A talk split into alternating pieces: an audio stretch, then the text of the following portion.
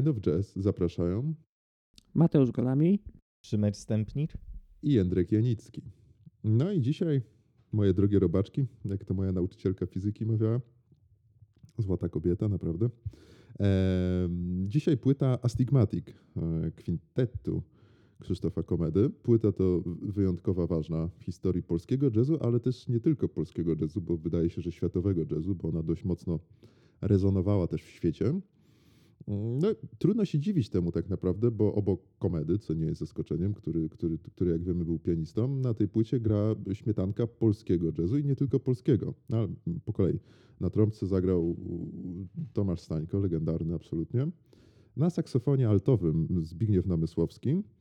No i mamy międzynarodową sekcję rytmiczną, co nie było wówczas w polskim jazzie jakimś takim mm, typowym zabiegiem. Mamy perkusistę szwedzkiego Rune Carlsona i kontrabasistę niemieckiego Gintera Lenza. Ginter Lenz zespołu Alberta Mangelsdorfa zresztą. Rune Carlson o tyle zaskakujący, że wtedy najczęstszym towarzyszem komedy, jeżeli chodzi o kontrabas, był Roman Dylon, który akurat miał pracę w Szwecji wówczas.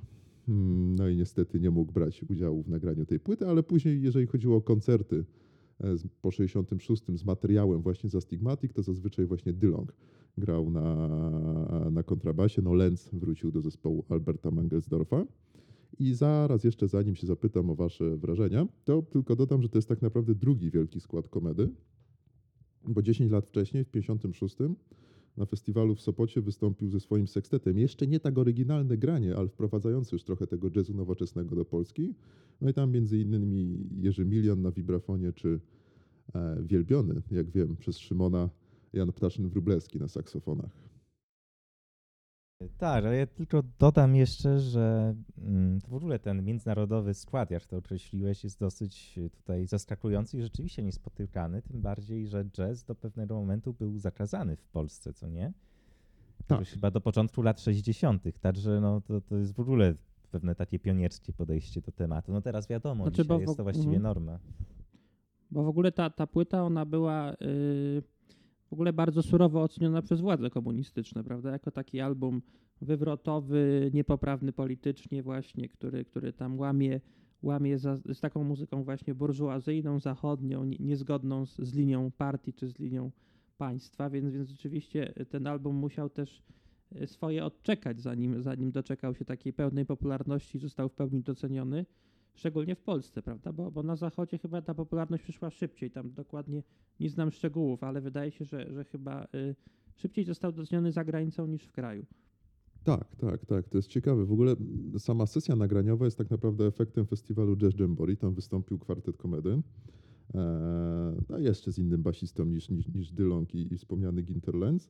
No i, i, i, zagrali tam materiał, który się znalazł później na tej płycie, Astigmatic i Katorna, czyli oni w pewien sposób już mieli to obgrany ten materiał. To nie było tak, że wchodzili do studia, a tak naprawdę to nie było studio, bo mm, ta sesja nagraniowa ona się odbywała właśnie po zakończeniu koncertów w ramach e, festiwalu Jazz Jamboree. No i jak już wszyscy sobie muzycy poszli, publiczność sobie poszła, to tam wchodzili na scenę e, właśnie zespół komedy, żeby nagrać Astigmatic w Filharmonii Narodowej zresztą i stąd może też takie specyficzne, dość mocno przestrzenne brzmienie tej płyty.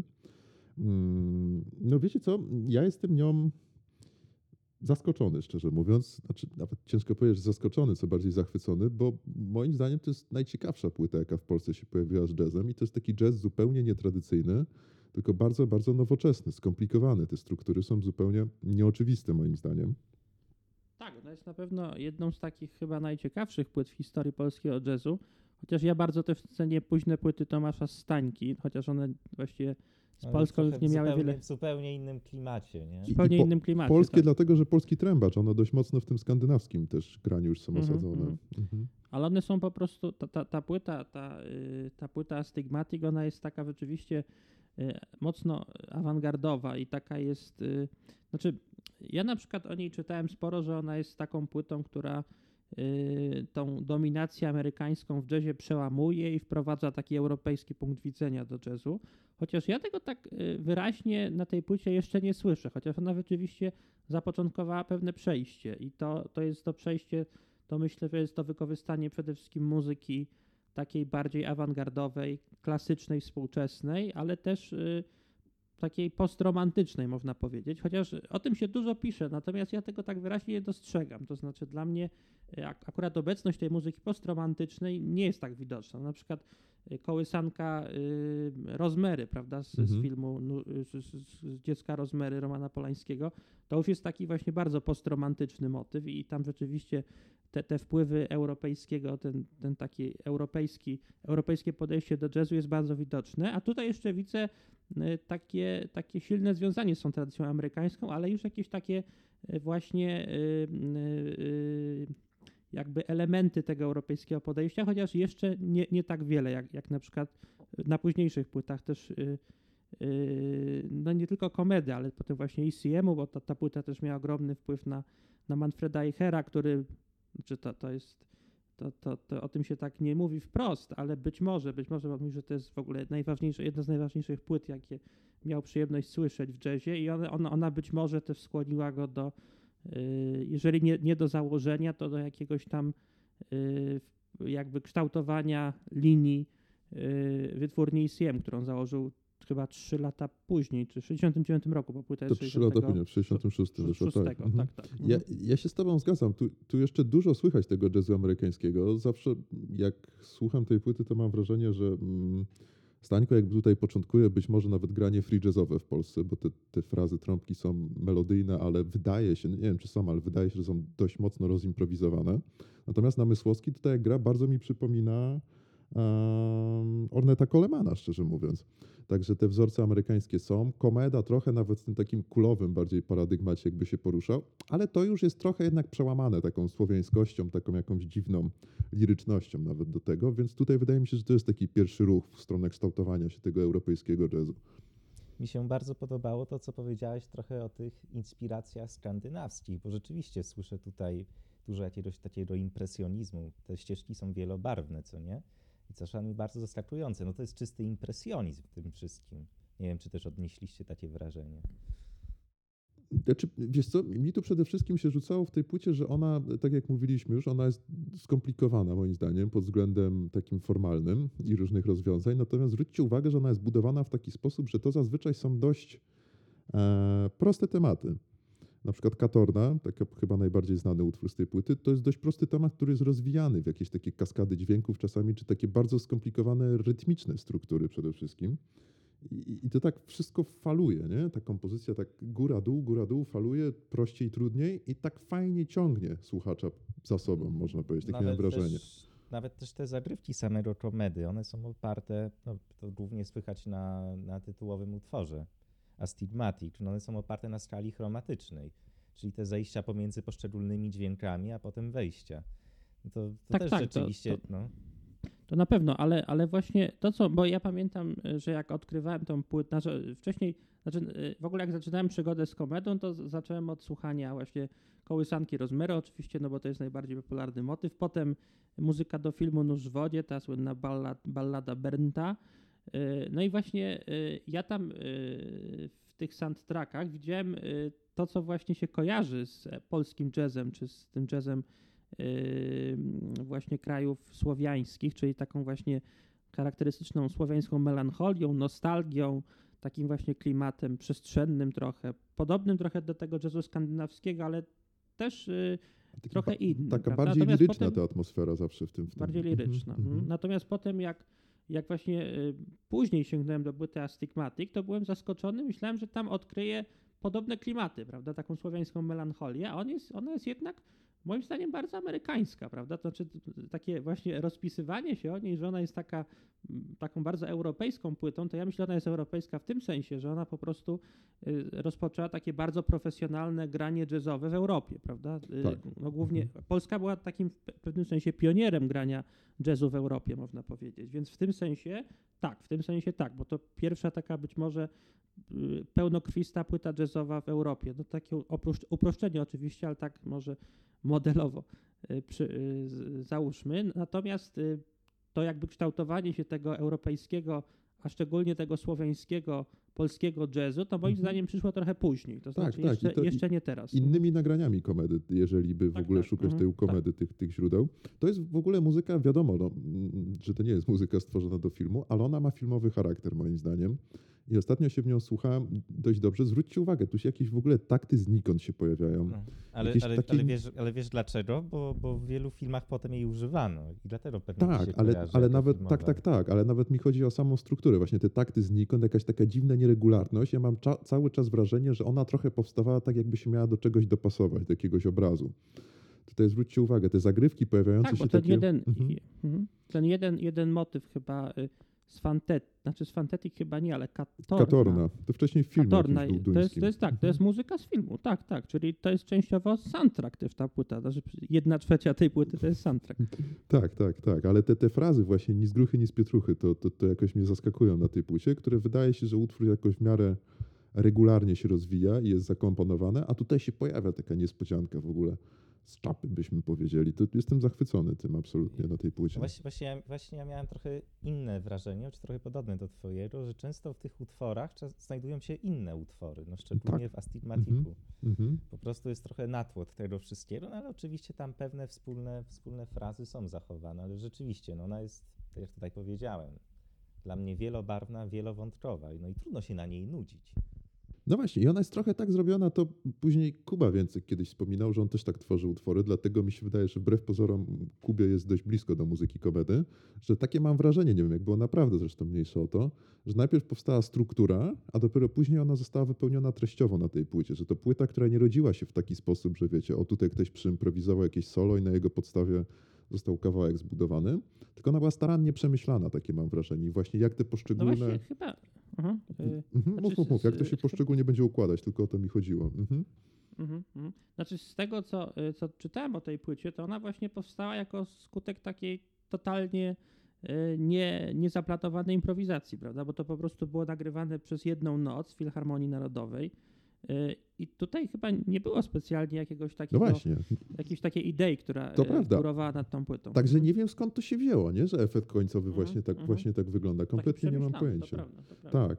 Ale Jedna, to jest ciekawe w ogóle, że, że, takie rzeczy często bardzo, bardzo, w jazzie szczególnie, takie bardzo wyjątkowe, genialne wręcz, to one właśnie często rodzą się y, nie w jakichś tam bólach takiej intelektualnej, że tak powiem, pracy kompozycyjnej y, lidera, tylko po prostu właśnie muzycy się schodzą, mówią gramy i po prostu y, w trakcie tej gry wychodzą jakieś często nowatorskie, y, niesamowite rzeczy. To chyba jazz w ogóle trochę jest taką muzyką, znaczy improwizowaną nie tylko w samej grze, ale też improwizowaną, można powiedzieć, w całości, prawda? Czyli Mhm. nawet sa, samo to wymyślanie motywów, same tematów, struktury są prawda? To- to- improwizowane, tak. Struktury, Mhm. tak, to wszystko jest improwizowane. Mhm. No to mi się przypomniała taka anegdota, jak byłem na koncercie Atoms Quartet w Sieradzu. No i tam ludzie przyszli mm, z zamiarem słuchania muzyki klasycznej, nie? I tak siedzą, siedzą, słuchają, aż w końcu Krzysztof Lęczowski, wiolonczelista, powiedział Szanowni Państwo, to jest muzyka jazzowa. Jesteśmy tutaj po to, żeby się bawić. Jeżeli ktoś zaklaszcze, albo ktoś będzie klaskał w rytm utworu, to bardzo chętnie zapraszamy. No, to, to jest ładna bardzo anegdota, z tym, że jeżeli chodzi o Astigmatic, to ta zabawa nie jest taka łatwa, bo tu ciężko się nawet dopasować nie? do tych rytmów i poklaskać sobie, czy potupać nogą do tego.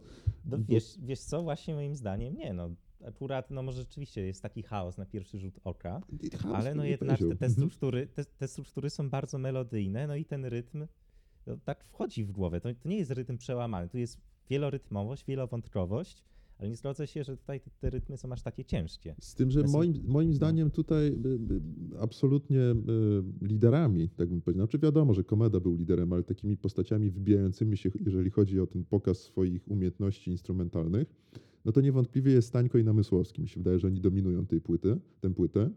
I ja jestem jej, nie wiem, wydaje mi się, że jedna z moich ulubionych płyt w ogóle w historii to jest. Natomiast jedyny mój zarzut wobec niej, zarzut, to jest dużo powiedziane, jest to, że trochę mało słychać komedy na niej. A on jest wyjątkowym pianistą, naprawdę. I jak słychać właśnie jego solówkę w Katornie, no to to jest fantastyczna, fantastyczna rzecz. Taka trochę właśnie kulowa, trochę ten taki trzeci third stream, wiecie, tak mieszający nawet z klasyką. A tutaj go jest trochę mało na tej płycie, poza właśnie tą, tą, tą, to, tym solo w Katornie. Znaczy ja będę trochę, trochę heretykiem w odniesieniu do tej płyty, bo, bo to jest płyta no taka, taka uznana za klasyk, prawda? Mhm. I ja tutaj trochę, trochę, trochę mniej, mniej cenię niż te dokonania komedy właśnie dla filmu, bo, bo mnie właśnie to, to, co Szymon mówił, że, że dla niego ona jest melodyjna, dla mnie właśnie ona nie jest specjalnie melodyjna. Dla mnie właśnie tam brakuje tej, tej, tej me- melodyjności, tej takiej przez, m- melodyjnej przestrzeni, trochę takiej nostalgii właśnie te- tej, tej, tej melancholii słowiańskiej. Mi się też wydaje, że tego nie ma. To jest Mhm. formalnie bardzo nie ma, ciekawa tak. rzecz i dlatego taka może bardziej intelektualna niż taka treściowo nie Tak, nęcąca tak, od razu. Eksperyme- Mhm. Eksperymentalna, intelektualna właśnie, Mhm. ale, ale jeżeli chodzi o taką przyjemność dla ucha, to, to ja wolę pó- późniejszego komedę jednak. Rozumiem. No Mhm. Ja mam, ja mam jednak trochę odmienne uczucia. W sensie, bo też powiedziałeś, Jędrzej, że to płyta przede wszystkim Stańki i Zbyszka Namysłowskiego. No ale co, co, co, co wyniosłem z tej płyty, co najbardziej zapamiętałem, to właśnie te zagrywki komedy, to jak operował w tych stalach A chromatycznych. no właśnie, właśnie, właśnie. I trochę, zagrywkach. trochę aż No. czułem niedosyt, że tak mało, nie? Ty- Tym, tym się popisuje, można Dla, powiedzieć. dla, mnie, dla mnie, wiesz, to, to jest muzyka, w której Komeda zrobił absolutnie genialne tło do tego wszystkiego. Mhm. No, Owszem, no Stańko, Stańko i Zbyszek Namysłowski, nie, to jakby przewodzili w tym wszystkim. Wychodzili na pierwszy plan, ale dla mnie właśnie ten background, to, to tło tworzy tą płytę taką wyjątkową. Mhm, mhm. Tu y, jeszcze mm, dwa względy, bo na początku powiedziałem dwie sprawy. Na początku powiedziałem, że Stańko grał na trąbce i rzeczywiście grał na instrumencie, który brzmiał jak trąbka, tylko że to był fligelhorn. Z przyczyn kondycyjnych te dość ponoć skomplikowane frazy trąbki on wykonywał na fligelhornie, łatwiej mu je było wykonać, z tym, że z ustnikiem z trąbki, który ten instrument koniec końców brzmiał prawie jak trąbka. No i, i okładkę chciałem jeszcze tutaj podkreślić, to w zasadzie nie z kronikarskiego obowiązku, tylko raczej z, z takiej fascynacji Polską Szkołą Plakatu, bo to zrobił okładkę Rosław Szajbo, który później wyjechał do Anglii i projektował okładki dla zespołu The Clash między innymi, czy Judas Priest, trochę inna stylistyka, ale wykonawcy też wielcy. I tą okładkę, mm, ona też trochę przełamuje taki schemat e, okładek jazzowych, które zazwyczaj są nudne. To zazwyczaj jest zdjęcie zespołu całego, czy zdjęcie lidera i nic więcej, podpis, nazwa płyty. Natomiast tutaj ona jest sama w sobie intrygująca i to już jakoś też zawsze zachęcało mnie dalej do tej płyty, no ale to takie didaskalia troszeczkę. No i jeszcze może warto wspomnieć o tym, że, że w 96 roku bodajże zespół Miłość nagrał płytę Asthmatic, która właśnie była takim hołdem, czy no hołdem to może złe słowo, ale takim e, nawiązaniem e, do tej płyty Astigmatic e, i która też właściwie no, no jest jedną z najważniejszych w historii polskiego jazzu, czyli można powiedzieć, że komeda wiecznie żywy. O tak, komeda wiecznie żywy, to prawda. Kuba Więcek też w naszej opowieści się pojawił przecież. Zresztą ten tytuł sam taki ciekawy, jakby wsk- wskazywał, że to jakieś jednak jest skrzywione spojrzenie na muzykę jazzową, tak jak astygmatyzm jest jakąś jednak e, e, wadą, tak, w oglądzie świata, więc że to takie nie do końca miało być po linii zgodne z tym, co się wówczas w jazzie polskim grało. No dobrze, panowie, czy coś jeszcze tutaj do Astigmatic, czy no, kolejna legenda było, nie było, czy, czy, czy na tym zostawiamy ją w spokoju? Na tym zostawmy i dajmy Chyba zostawmy na tym. samym. Tak, tak, tak. To zawsze, to zawsze. Także Astigmatic, absolutny klasyk polskiego jazzu. No, jak się okazało, takiego jeszcze nietypowo polskiego, ale jazzu w Polsce Krzysztofa Komedy. No, serdecznie polecamy. Dziękujemy. Dzięki. Dzięki.